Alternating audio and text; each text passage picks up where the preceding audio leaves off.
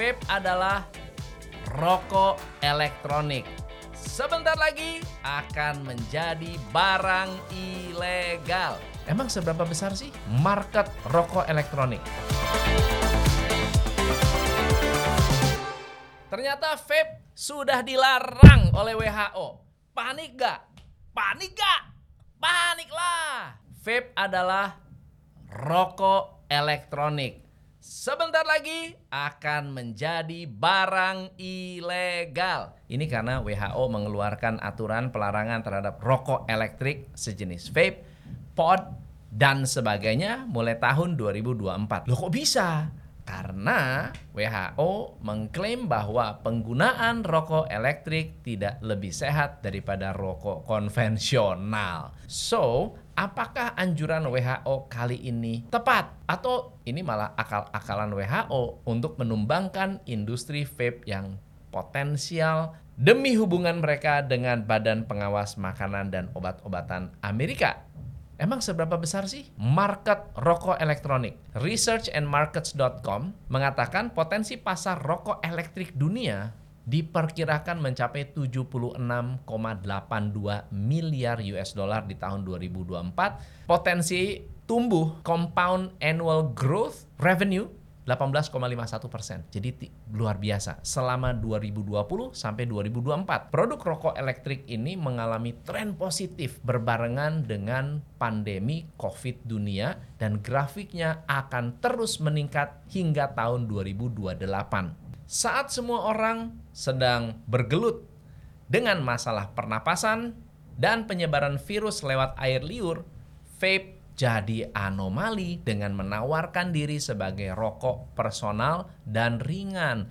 Belum lagi, vape mempunyai varian rasa yang lebih variatif. Hal ini mengunci potensi atau posisi vape dan rokok elektrik di arus industri olahan tembakau. Fenomena ini mengantarkan Indonesia pada jajaran negara dengan jumlah perokok dan pengguna vape terbanyak. Bahkan Januari 2023 hingga Maret 2023 menurut Statista Indonesia menjadi negara pemuncak dengan 25% pengguna. Hal ini benar karena menurut WHO baik rokok konvensional maupun rokok elektrik tanpa asap maupun vape dinikmati oleh 70,2 juta laki-laki dan wanita Indonesia tanpa terkecuali. Sedang untuk pengguna vape sendiri, sesuai dengan data Asosiasi Personal Vaporizer Indonesia APVI dan WHO menyebutkan bahwa negara kita terdapat lebih dari 6 juta pengguna rokok elektrik. Ironinya, jangkauan umur pengguna vape ini tidak hanya 18 sampai 40 tahun, tapi mulai dari 15 tahun hingga 65 tahun lebih. Hal itulah yang membuat WHO gagal menahan amarahnya setelah selalu menghimbau sejak Juli per Desember kemarin Organisasi Kesehatan Dunia mengeluarkan kebijakan terkait larangan penjualan dan penggunaan vape untuk seluruh negara.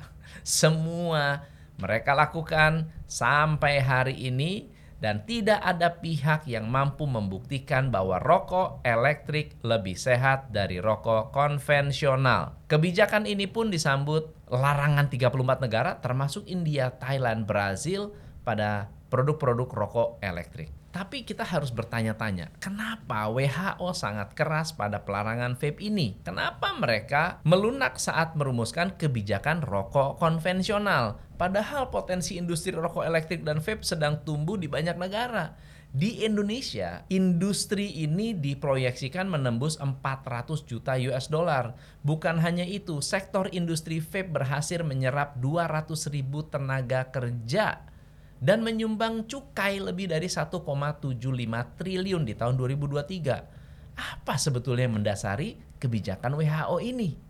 Semenjak muncul kebijakan larangan vape oleh WHO, industri vape global meradang. Para pelaku industri saling mempertanyakan situasi ini pada pengambil kebijakan di masing-masing negara. Di Indonesia, hal ini semakin diperparah karena timeline waktu yang sama, pemerintah malah menaikkan pajak pada cukai elektrik dan turunannya sebesar 15 sampai 25 persen. Kedua kebijakan yang saling berlawanan tersebut tumpang tindih, membuat suasana jadi tambah kacau. Bahkan permasalahan tentang olahan tembakau ini sering kali melebar dengan membawa subjek lain seperti gula.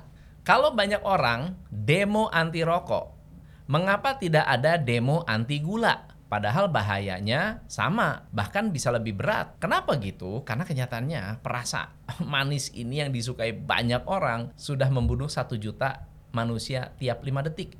Kalau WHO peduli dengan nyawa manusia, kenapa mereka memberikan kelonggaran pada gula yang sangat menciptakan candu? Kenapa tidak ada aturan larangan WHO tentang gula dan produk-produk yang mengandung gula berlebih. Sementara hampir semua produk mengandung gula dan gula terbukti membahayakan.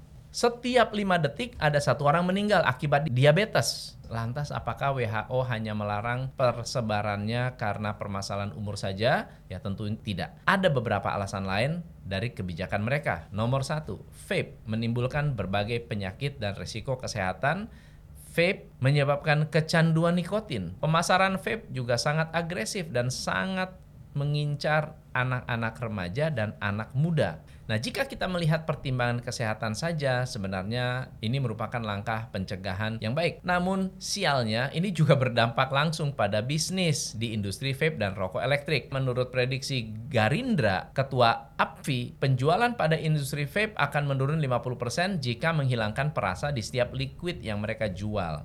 Tapi sejujurnya ya, saya sih masih penasaran, apakah ini murni sebuah movement atau hanya gerakan yang didasari anti tembakau sindrom. Nah, sebagai negara yang merdeka, kita tidak harus menuruti kemauan organisasi mana pun. Kita harus belajar dari fenomena anti tembakau yang ada di Indonesia. Kenapa? Karena menurut penelusuran Bloomberg Initiative, kampanye anti tembakau kita terbukti didanai asing. Bahkan untuk lembaga sekelas Direktorat Jenderal Pengendalian Penyakit Menular Kementerian Kesehatan dan Komnas Perlindungan Anak Indonesia pernah menerima ratusan ribu US dollar untuk mensukseskan aksi ini. So kenapa kita harus percaya mentah-mentah tentang usulan WHO? Belum lagi jika melihat fenomena pelarangan vape dan rokok elektrik di India pada tahun 2018 yang ternyata ditunggangi kepentingan perusahaan rokok konvensional besar bernama ITC. Sebenarnya ITC mengeluarkan produk rokok elektrik juga, namun kalah saingan. Hal ini membuat mereka geram dan memaksa pemerintah setempat untuk melarang penjualan rokok elektrik di negara itu. Nah, setelah diteliti ternyata posisi ITC adalah penyumbang sepertiga pendapatan pajak pemerintah India.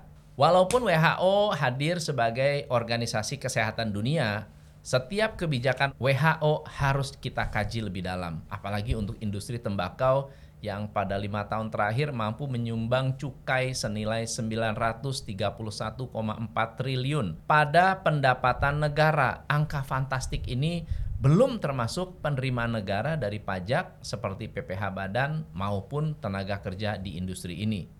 Apalagi ada desas-desus, kebijakan ini lahir demi menjaga hubungan baik mereka dengan Food and Drug Administration Amerika. Sebuah kebijakan organisasi memang rawan konflik kepentingan. Saya menemukan hal unik tentang siapa yang selama ini berdiri di balik WHO, yaitu sejak 2014 mereka memiliki perjanjian pertukaran informasi rahasia antara WHO dan FDA. Perjanjian ini meliputi identifikasi informasi rahasia, pembatasan akses dan larangan untuk mengungkap informasi tersebut ke publik tanpa pertujuan. Perjanjian ini memungkinkan keduanya untuk tidak menyebarluaskan informasi yang mereka anggap rahasia. Terus Bahayanya apa? Apa hubungannya dengan konflik kepentingan? Nah, Anda harus tahu bahwa salah satu produk FDA adalah NRT atau Nicotine Replacement Therapy. NRT ini berisi berbagai macam produk dengan dosis nikotin rendah tanpa zat kimia lain yang bertujuan membantu menghentikan ketergantungan para perokok